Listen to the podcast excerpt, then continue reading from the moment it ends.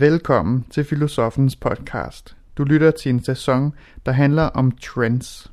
Anders Fogh Jensen diskuterer i det her afsnit, hvad det vil sige at være mand i dag. Samfundet har udviklet sig i et voldsomt tempo de sidste 100 år, så spørgsmålet er, hvordan har manden det? Udsendelsen er fra P1 Eksistens den 29. november 2016. Rigtig god fornøjelse. 1, 2, 3. Go.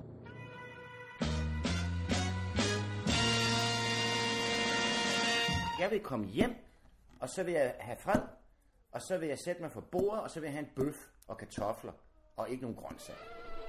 Og, og så vil jeg have, at min kone skal levere sex døgnet rundt, når jeg vil.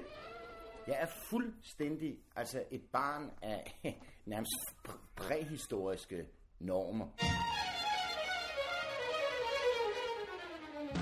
Du skal ikke være det samme, som din far er øh, rent professionsmæssigt. Du kan øh, flytte ind til byen og få et arbejde.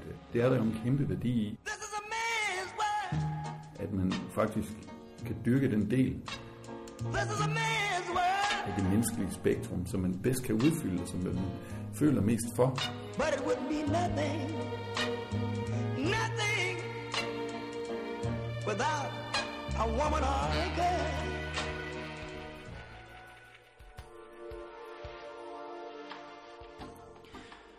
Gunnergate.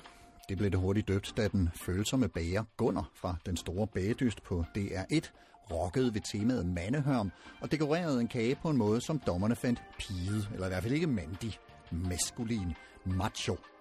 De andre bagere lavede baller og barme og billiardbord og cigarer og hvad har vi? Klassiske, nogen vil til mine outdated mandeidealer. Der var engang en kollega, der spurgte mig, om man skal have været i nævekamp for at være en rigtig mand. Eller om man skal være jæger og have nedlagt et lille nuttet pelsdyr og skyllet den rus ned med en ordentlig bajer.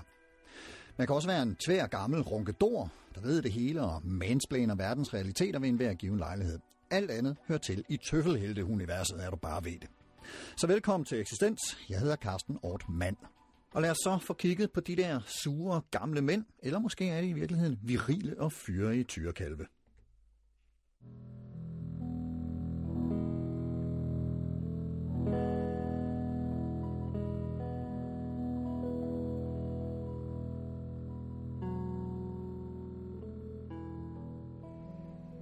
Manden har stadigvæk ikke nogen mening i sig selv, har jeg indtryk af. Det er stadigvæk familien og børnene og konen, man arbejder for. Det er der, det er der ens kilde til betydning er. Jeg gider ikke lave mad til mig selv. Når jeg sidder nede i mit, i mit hus på landet og skriver, jeg, jeg laver ikke mad til mig selv. Jeg tager ikke engang tøjet af. Jeg, du ved, jeg, jeg, jeg, jeg gider ikke engang gå op i seng. Jeg lægger mig bare på sofaen i mit tøj. Så sover jeg, vågner og skriver videre. Øh, Og det er først, når jeg skal tilbage til byen, at jeg ligesom soignerer mig og går i brusebad og barberer mig og tager rene underbukser på og, og, og køber ind til at lave mad.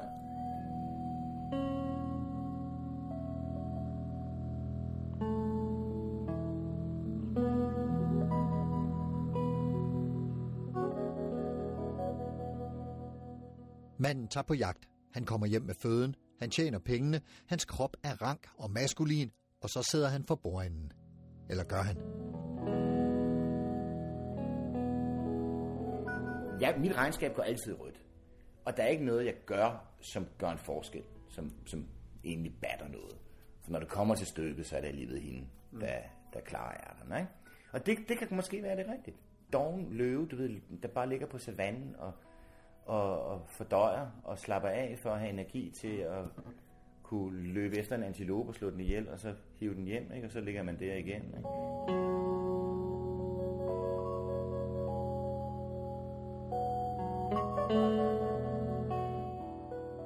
En gang levede manden ud fra en bestemt fastskåret stereotyp, hvis identitet var defineret ud fra aktivitet, arbejde og maskulinitet.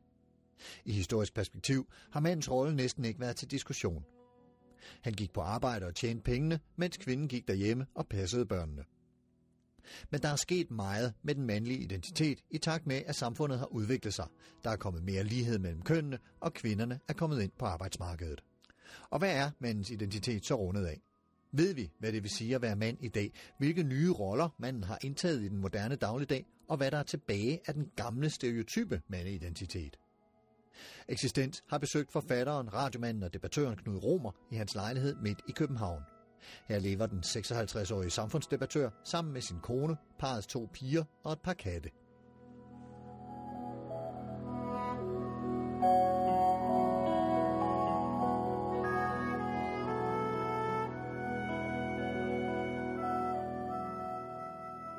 Jeg er nok for gammel til i virkeligheden at have gjort mig tanker om, hvad for en slags mand jeg er, og hvad for en slags mand jeg skal være, og være i uoverensstemmelse med mig selv, og, og, og, og den slags ting. Øhm, og jeg, jeg kommer fra en tid, hvor det i det hele taget at gøre sig tanker om det, var, var temmelig, hvad hedder det, øh, problematisk. Altså, så var du ikke nogen rigtig mand, hvis du, hvis du var i tvivl om, hvem du var.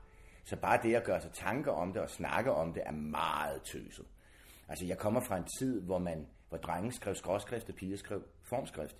Hvor drengen gik fysisk matematisk, og pigerne gik sprogligt. Hvis du skrev formskrift som dreng, og gik sprogligt, ja, så var du homoseksuel. Og det var også noget, som man ikke ser så lige så queer-agtigt på nede i, i Nykøbing Falster, som, som man gør nu.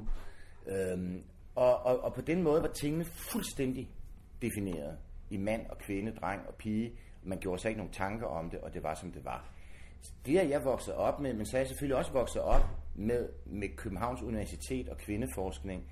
Og, og, og, og jeg kom til, til København i 79, hvor de faktisk netop øh, hvad hedder det, besatte kommunehospitalet og lavede øh, det, som i dag hedder Kvindfo og, og, og hele det her kvindeforskningscenter og, og alle de her ting. Så jeg er jo også vokset op med piberygende kvinder, der havde der sat sig på en stor del af universitetet og på undervisningen, begyndte at forske i det hele taget i kvinder. De har jo været fuldstændig fraværende i, i, i, i, i, i humanistisk historie, ikke? altså romanforfattere, malere, dirigenter. Der er næsten ikke nogen kvindelige dirigenter i dag, stadigvæk. Ikke?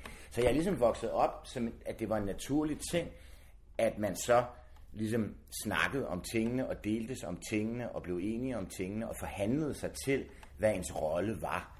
Altså, hvilke mandlige værdier er du ligesom formet af? Jamen, jeg, jeg er formet fuldstændig, altså jeg kommer fra... Også hvis du kigger på for eksempel din, din morfar og Jamen, den jamen jeg, jeg er stadigvæk sådan, at jeg bliver rasende over, at min kone ikke er den... At, at jeg vil komme hjem, og så vil jeg have fred, og så vil jeg sætte mig for bordet, og så vil jeg have en bøf og kartofler, og ikke nogen grøntsager. Og, og så vil jeg have, at min kone skal levere sex døgnet rundt, når jeg vil. Så skal jeg i øvrigt have lov til at drikke mig fuld, lige så meget jeg har lyst til. Smide mine underbukser på jorden, mine sure sokker, forvente, at de bliver pillet op og vasket og tørret og lagt på plads. Jeg er fuldstændig altså et barn af nærmest præhistoriske normer. Og de, de ligger i mig. Jeg bliver bitter over, at jeg ikke sætter mig til bords og får min bøf. For mig er kvinder, det er stort set ikke andet end, end nogen, der, der gør rent, laver mad og leverer sex. Og hvis de ikke gør det, så er de ikke kvinder. Så er de mænd. Så er det min kollega. Så er det min partner. Øh, og, og, men, men samtidig så har jeg jo altså en vis... Jeg har en frontallap, som, som, siger det, som der, gør, at, at Så gik din udvikling i stå, da du var... da jeg var 19. Ja. Øh, hvad hedder det? Men så, så, så lærte jeg heldigvis til. Og det er jo også noget, som er anderledes end for gamle dage. Det er jo, at vi jo er i en evig forlænget pubertet, hvor vi hele tiden har prøveidentiteter, og hele tiden skal formforvandle os på nye måder. Hele tiden udvikle os. Vi skal også på kursus hele tiden. Ikke? Hele tiden videreuddannes. Ikke? Men også rent omgangsmæssigt.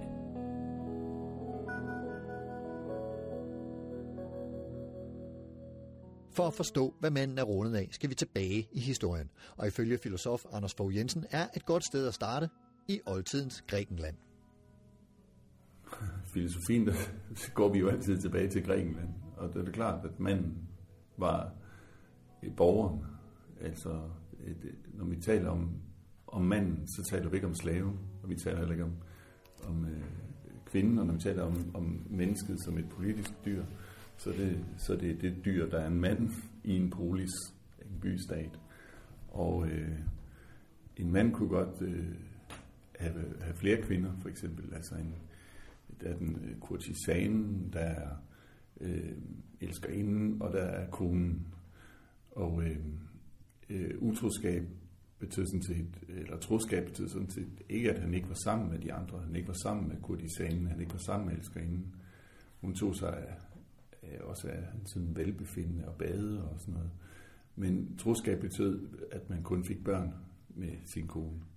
Øh, og så det er også en, altså ellers så går der også rod i bystaten, hvis ikke man ved, hvad for en status øh, det nye barn har. Øh, så det, må man have med en anden af samme stand. Så, så det er klart, at når de græske filosofer taler om øh, borgeren og så videre, så underforstår de en mand af en særlig, øh, en særlig status.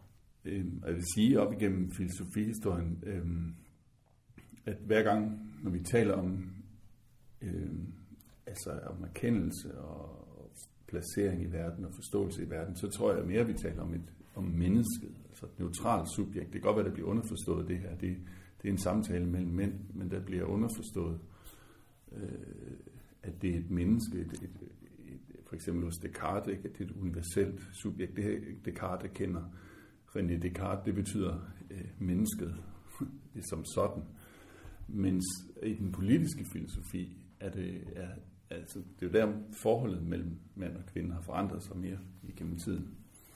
Øhm, sådan at, at, øh, at når vi taler om øh, rettigheder og så videre, så taler vi om en særlig standsrettighed. Vi taler om mandens øh, ret, stemmeret for eksempel.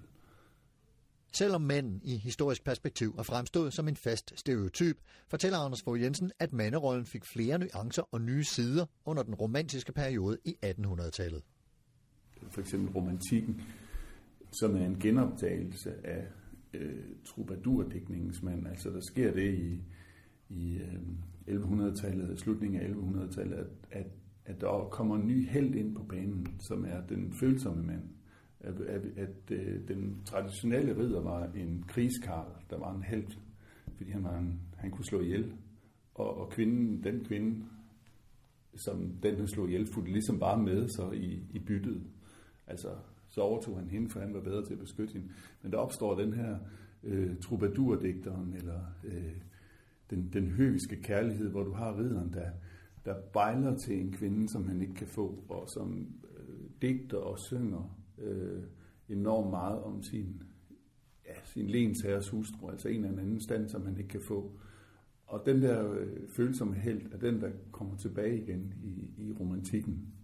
Øh, så det bliver ligesom i, i bestemte kredse, bliver det ligesom accepteret, at, at manden er ikke kun ham, der skal komme hjem med føde og lægge pengene på bordet. Der, altså han kan have flere facetter. Ja, men det er også, når vi, snakker, når vi taler overklassen. Altså, og, ja. Så det, det er mere nogle idehistoriske øh, flader, der ligesom, eller opblomstringer, der, der kommer, end det er. Altså fordi, at, ellers så har det jo ligget enormt fast, hvem der, der var noget, man ikke kunne røre med, hvem der skulle føde børnene, hvem der var, også hvem der var bedst til at gå i marken, eller bedst til at forsvare. Øhm, og, og de roller har jo ligget øh, enormt fast, indtil vi kommer op i slutningen af, af det 19. århundrede, altså hvor, hvor de første øh, hvad skal man sige, kampe for kvinders øh, lige ret øh, opstår. Så det er, altså, de omvæltninger, vi har set i 20. århundrede, er meget større end, end det, vi ellers har set i idéhistorien. Mm. Øhm, i takt med, at feminismen voksede frem i det 20. århundrede, fik manden sværere ved at holde fast i den gamle stereotype manderolle. Alligevel mener både Anders Fogh Jensen og Knud Romer, at mandeidentiteten først blev udfordret i årtierne efter 2. verdenskrig. Knud Romer fortæller. Manderollen er gået fra at være, øh, gå ud på øh, at være en engangsprogrammeret, selvdisciplineret, viljestyret, handlekraftig, målrettet, øh, producerende, øh, profiterende, øh, hvad hedder det, indre styret person, der kunne begå sig på arbejdsmarkedet og forsørge familien. Patriarken, det galt om at dominere, bestemme, øh, øh, øh give ordre, undertrykke sine omgivelser, beherske naturen, undertrykke naturen, udbytte, udnytte, øh, til, og, og, og sådan en person, som aldrig ændrede sig, når han kom hjem, øh, øh var han stadigvæk doktor, doktor, eller hvad han nu var, her minister, ikke? Og, og sad for enden af bordet, ligesom han gjorde for enden af skrivebordet, og dominerede sine omgivelser, og kvinderne, og børnene, og bestemte, og kun jeg alene vide, og en meget voldelig, firkantet, rigid, øh, ufleksibel, øh, overjegstyret person, hvor der var ekstremt mange aspekter af ham selv, som simpelthen blev fortrængt, udgrænset, demoniseret, forfulgt i omgivelserne, om det var sex, eller om det var ømhed, om det var umiddelbar tilfredsstillelse, om, om det så var hans øh, egen toiletgang, har han sikkert fortrængt ikke, som noget frygteligt. Ikke? Han har aldrig været på, på toilettet. Ikke? Han har slet ikke nogen krop.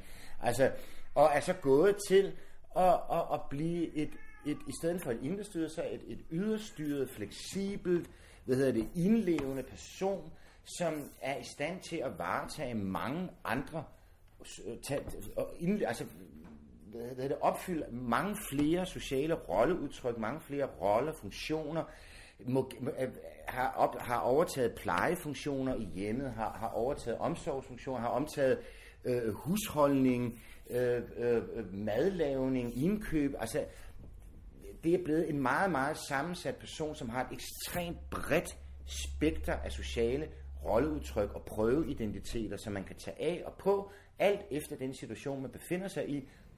Altså, der sker det efter 2. verdenskrig selvfølgelig, at kvinden kommer ud på arbejdsmarkedet. Det vil sige, hun, får, hun bliver ikke længere øh, så afhængig af sin mand, og det gør, at manden kan ikke, øh, han mister så at sige en magtposition der, øh, øh som øh, gør, at han skal gå, øh, så at sige, i, øh, bliver tvunget til at gå mere i, i forhandling med, med, med kvinden omkring, hvordan, hvordan skal vi sætte den her familie sammen. Ja, altså og, han får svært ved ligesom at holde fast i den der stereotype ja. manderolle, som han og samfundet har kendt lang Ja. tid tilbage. Altid. Ja. Jamen, altså, vi ser den en, på samme tid en samfundsmæssig og en kulturel udvikling, vil jeg sige. En samfundsmæssig, som handler om, at der kommer mere lighed mellem kønnene. Og det, det presser øh, den, eller næsten gør, at den traditionelle manderolle, øh, den bliver usikker i hvert fald. Men vi har også et kulturelt pres, som handler om, at den gammeldags mand er en tramhand, eller han er en øh, tyran, eller altså der bliver, der bliver et opbrud af den øh, maskuline rolle i 60'erne, hvor øh, øh, vi så skal have nogle kønsidentiteter, som er mere øh, flydende og mere lige. Øh, og, og der, øh, hvad kan man sige, øh, der står manden øh, i et underligt, øh, i et underligt vakuum, fordi at det at, at bruge sin gamle magt ligesom ikke længere er legitim. Traditionelt set, så kan man sige, at kvinden har været et samlende princip, om manden har været et adskillende princip, eller, eller været, været loven, den der, den der adskilte det, man måtte fra det, man ikke måtte, det gode fra det onde. Øh, så har kvinden mere været, hvad skal man sige, et samlende princip, eller kærlighedens princip, at øh, sådan traditionelt, øh, at mor elsker dig lige meget hvad. Ikke? Men far elsker dig kun, hvis du lever op til noget, eller præsterer noget. Øh, og i dag er det så sådan, er det ret svært for mange mænd, at være den lov igen. Fordi det bliver, øh, øh, hvad kan man sige, det bliver anset for, for, for brutalt.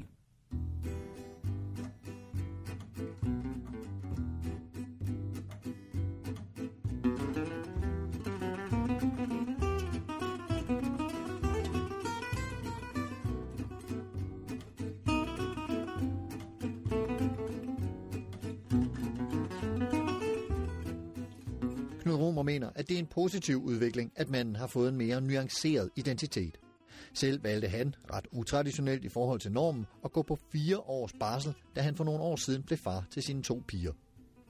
Jeg kunne ikke aflevere mine børn i en vuggestue. Jeg synes, det var grusomhed. Og jeg tror ikke, der er særlig mange, der gør det. De, de river hjertet ud af sig selv, og det er simpelthen tvangsmæssighed, når man gør det. Og så fik vi så et barn til, så det gentog sig, ligesom med et års barsel for hende ikke?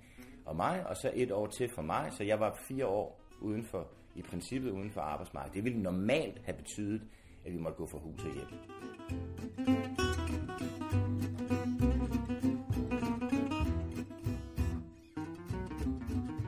Men, men, men på den måde, jeg mener, de eneste, jeg mødte i mine fire år der bag min røde barnevogn, det var jo kolonner af mødergrupper med plystæpper, og så bedsteforældre, og først og fremmest bedstemødre. Jeg mødte ikke en eneste mand.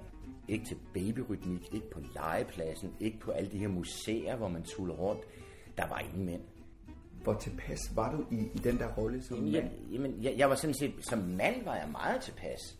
Det har, det har slet ikke udfordret min, min, min kønslige identitet eller min selvforståelse på nogen som helst måde.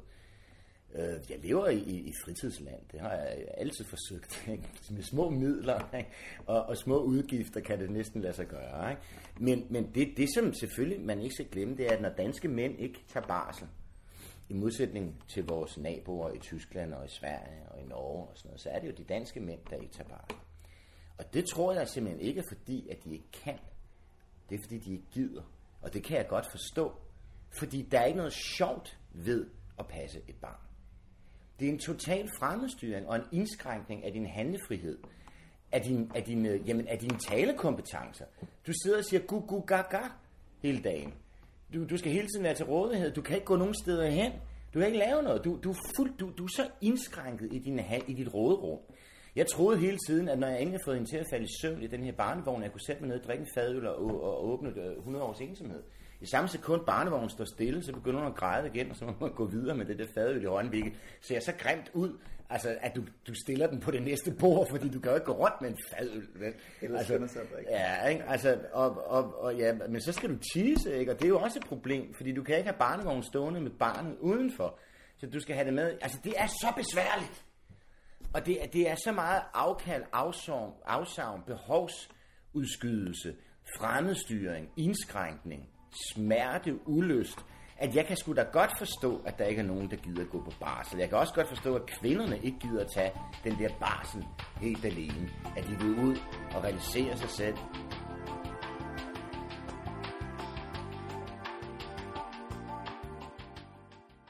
Du lytter til Eksistens på B1, der i dag handler om mandeidentitet, mandens rolle, hvordan den var engang, og hvordan manden har udviklet sin karakter, i takt med, at samfundet har udviklet sig, og der er kommet større ligestilling mellem kvinder og mænd.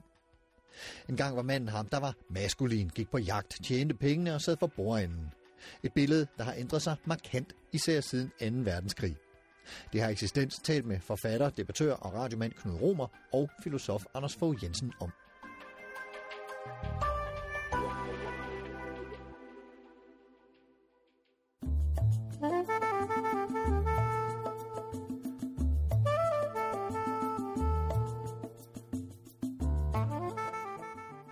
Nutidens moderne samfund ser vi, at manden, i modsætning til tidligere, viser mange forskellige sider af, hvad det vil sige at være mand. Mænd henter børnene i børnehaven, de laver mad, vi ser at mænd melder sig til kageprogrammer på tv, og i det hele taget viser et væld af roller, som manden har taget på sig. Mange nye roller, som filosof Anders Fogh Jensen mener, har været afgørende for mandeidentitetens udvikling. Øhm, ja, og det, altså, det, der, der, der er sket en, en, en frigørelse, som, som ligner frigørelsen på andre områder, at du, du skal ikke være det samme, som din far er øh, rent professionsmæssigt. Øh, du kan vælge, du kan være en anden type, du kan flytte ind til byen og få et arbejde, eller hvad det nu er. Den frigørelse, den har vi så også på det her kulturelle øh, område. Du behøver ikke at være mand ligesom din far.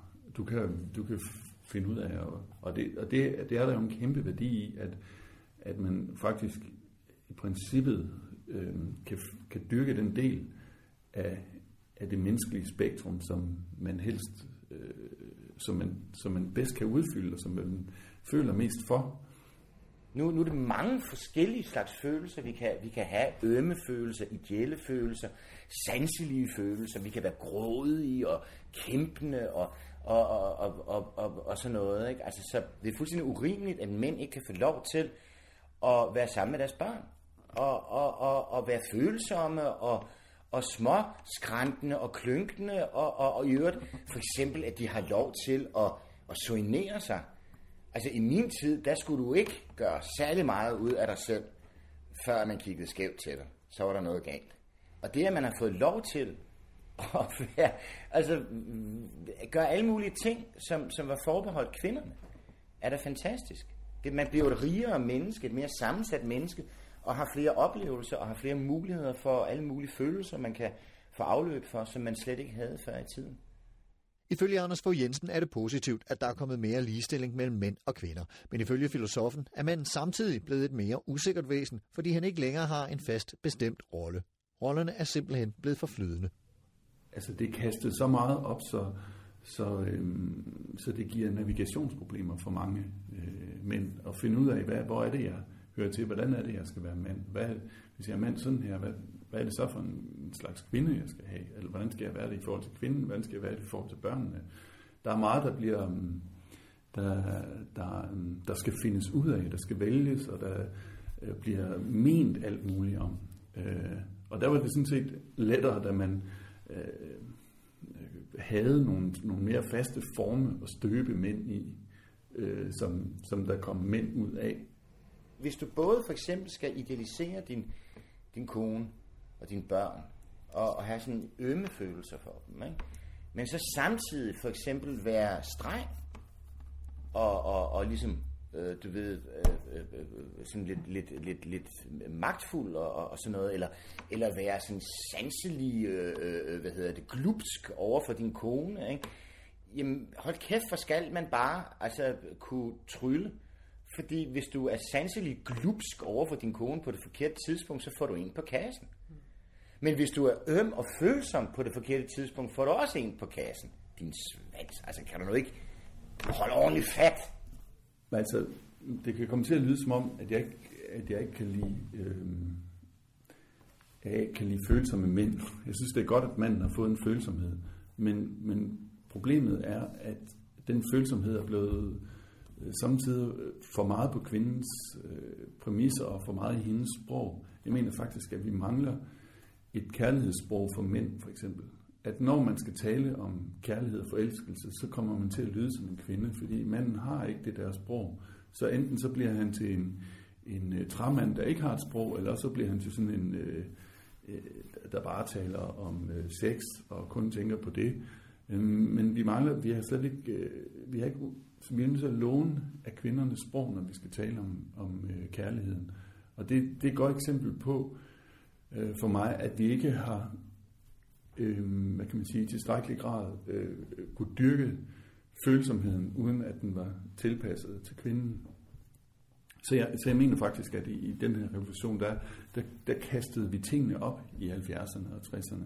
Kastede tingene op, og de landede, øh, de landede i højere grad for kvinden, mens det for manden er svært at sige, hvordan er man en ordentlig mand i dag? Altså, hvordan, øh, og hvordan, altså fordi det, der bliver jo tit gjort grin med det, så når man så tænker, så bliver det kaldt mandehørm, eller det bliver kaldt øh, et eller andet, hø, hø, nu skal, nu skal de lige lege, lege mænd, øh, fordi man ikke tager det alvorligt. Øh, det bliver sværere for fædrene at vise deres sønner, hvad en mand er. Der er for mange øh, øh, parforhold, hvor øh, manden, så at sige, ikke tør være mand, og derfor forbliver en, en, en dreng, og blive, indskriver sig i, i barneflokken, som en øh, psykolog, der hedder Finn Kærså, har skrevet en bog, der hedder Naturens mundre søn. Altså, der er mange mænd i dag, som er naturens mundre søn, som ikke tør at, og, kan man sige, øh, at stå op og være mand ved siden af deres kvinde. Øh, og det skaber utrolig meget øh, forvirring. Altså i, i, i, i parterapi, der er det så kvinden, der ringer til parterapeuten og slipper sin søn med ind i, i rummet, og som ikke, hvad skal man sige, så at sige, øh, øh, ja, som, det er jo forkert at sige, at han ikke er blevet voksen, men han, han lever stadigvæk som en dreng, der er optaget af sit legetøj, og øh, legetøj er bare blevet noget dyrere.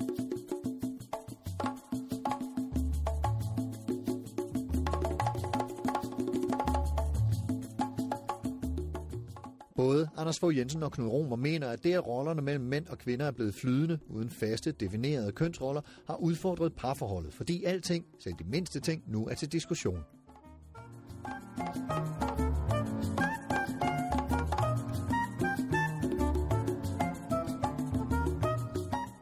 Det, som er interessant, synes jeg nu, hvor man stort set ikke længere kan sige, at der findes noget, der er specifikt for kvinder og mænd, hvad deres arbejdsfunktioner og den slags ting, deres roller i hjemmet og børnepasning og alt sådan noget angår. Det vi så har fået, det er en endeløs terrorbalance. En endeløs diskussion, en endeløs forhandling, der aldrig holder op og går ned i de mindste ting. Om hvordan man lukker døren. Altså, øh, øh, når, når hun køber ind, så er hun, så er hun forbitret. Så ringer hun på, så skal jeg komme ud og tage poserne, fordi hun er skide sur over, at det er mig, der skal købe ind. Nu, nu skal jeg også købe ind. Jeg skal ikke kun vaske tøj, jeg skal også købe ind. Nu skal, det er skyld og gæld og hævn og smålighed. Det er dobbelt, øh, dobbelt øh, bogføring. Det er helt vildt. Men det betyder jo også, at jeg tror, at der er noget mere skændes om i vores tid, end der var i gamle dage, hvor far slog i bordet. Men til gengæld var kvinden også undertrykt. Når alt bliver til forhandling, så bliver det enormt øh, belastende for, for forholdsvis. man skal hele tiden stille spørgsmålstegn, at nu okay, det er på den her måde.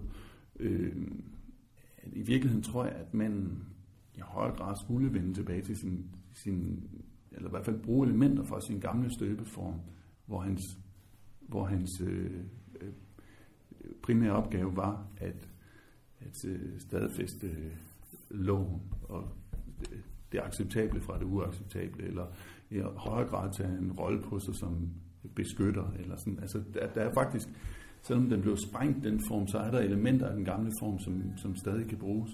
Alt er op til forhandling. Og, og det vilde er jo, at mændene jo langt hen ad vejen er taber. Man, man, altså det samfund, vi har nu, det her videnssamfund, hvor der ikke er flere praktiske opgaver tilbage, og hvor den store, det store ritual, det er at kunne sidde stille i timen.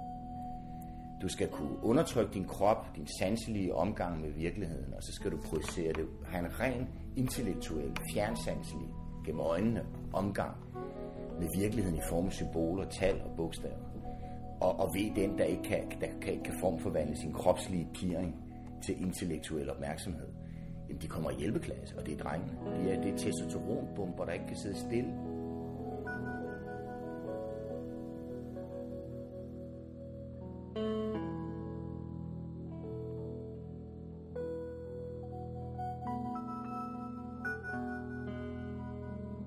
I Danmark har vi de senere år set, at piger og kvinder i stigende grad klarer sig bedre på uddannelserne, kvinderne fortsætter med at kravle op ad karrierestigen, og de får bedre jobs.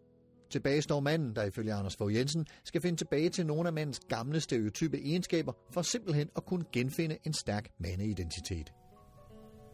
Hvis han ikke finder tilbage til, eller finder frem til loven igen, altså det at kunne forbyde, så, så forbliver han i en eller anden form øh, kastreret. Så, så det, som manden skal i dag, det er, at han skal ture få feministerne på nakken. Ja. Hvis, han vil, vil, hvis han vil være mand, også være mand for sin kvinde. Ja, fordi problemet er jo i dag, altså hvis manden han sætter sig for bordringen og banker i bordet, jamen det, det, det, det, det går bare ikke. Nej, det, det går ikke, så man skal være klar til at, at også fremtræde på måder, som, som hvad skal jeg sige, jeg vil lige næsten sige, som er på grænsen af det politisk korrekte, ikke? Men, som, men som jo i virkeligheden er det, der også kan være brug for, både for en kvinde og for en familie, og måske øh, også for manden selv, at han ved, hvor han, øh, han står, at han ikke er i en evindelig forhandling om alting.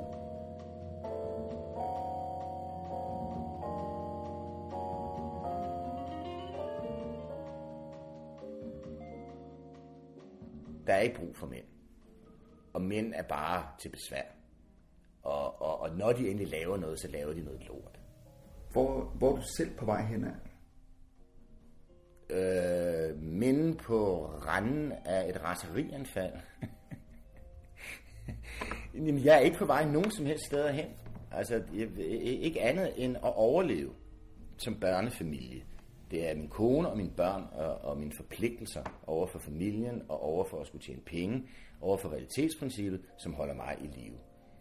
Altså, jeg er ligesom et ensrettet skilt, der peger på den anden, på kvinden som betydning. Jeg er et rent udtryk.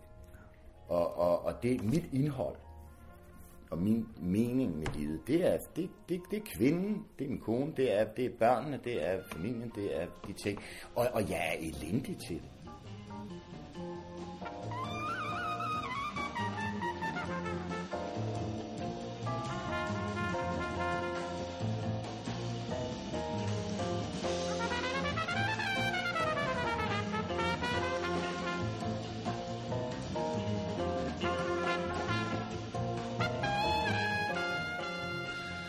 Dejligt, Miles Davis her. Tusind tak til forfatter og radiovært Knud Romer og til filosof Anders Fogh Jensen. Det var...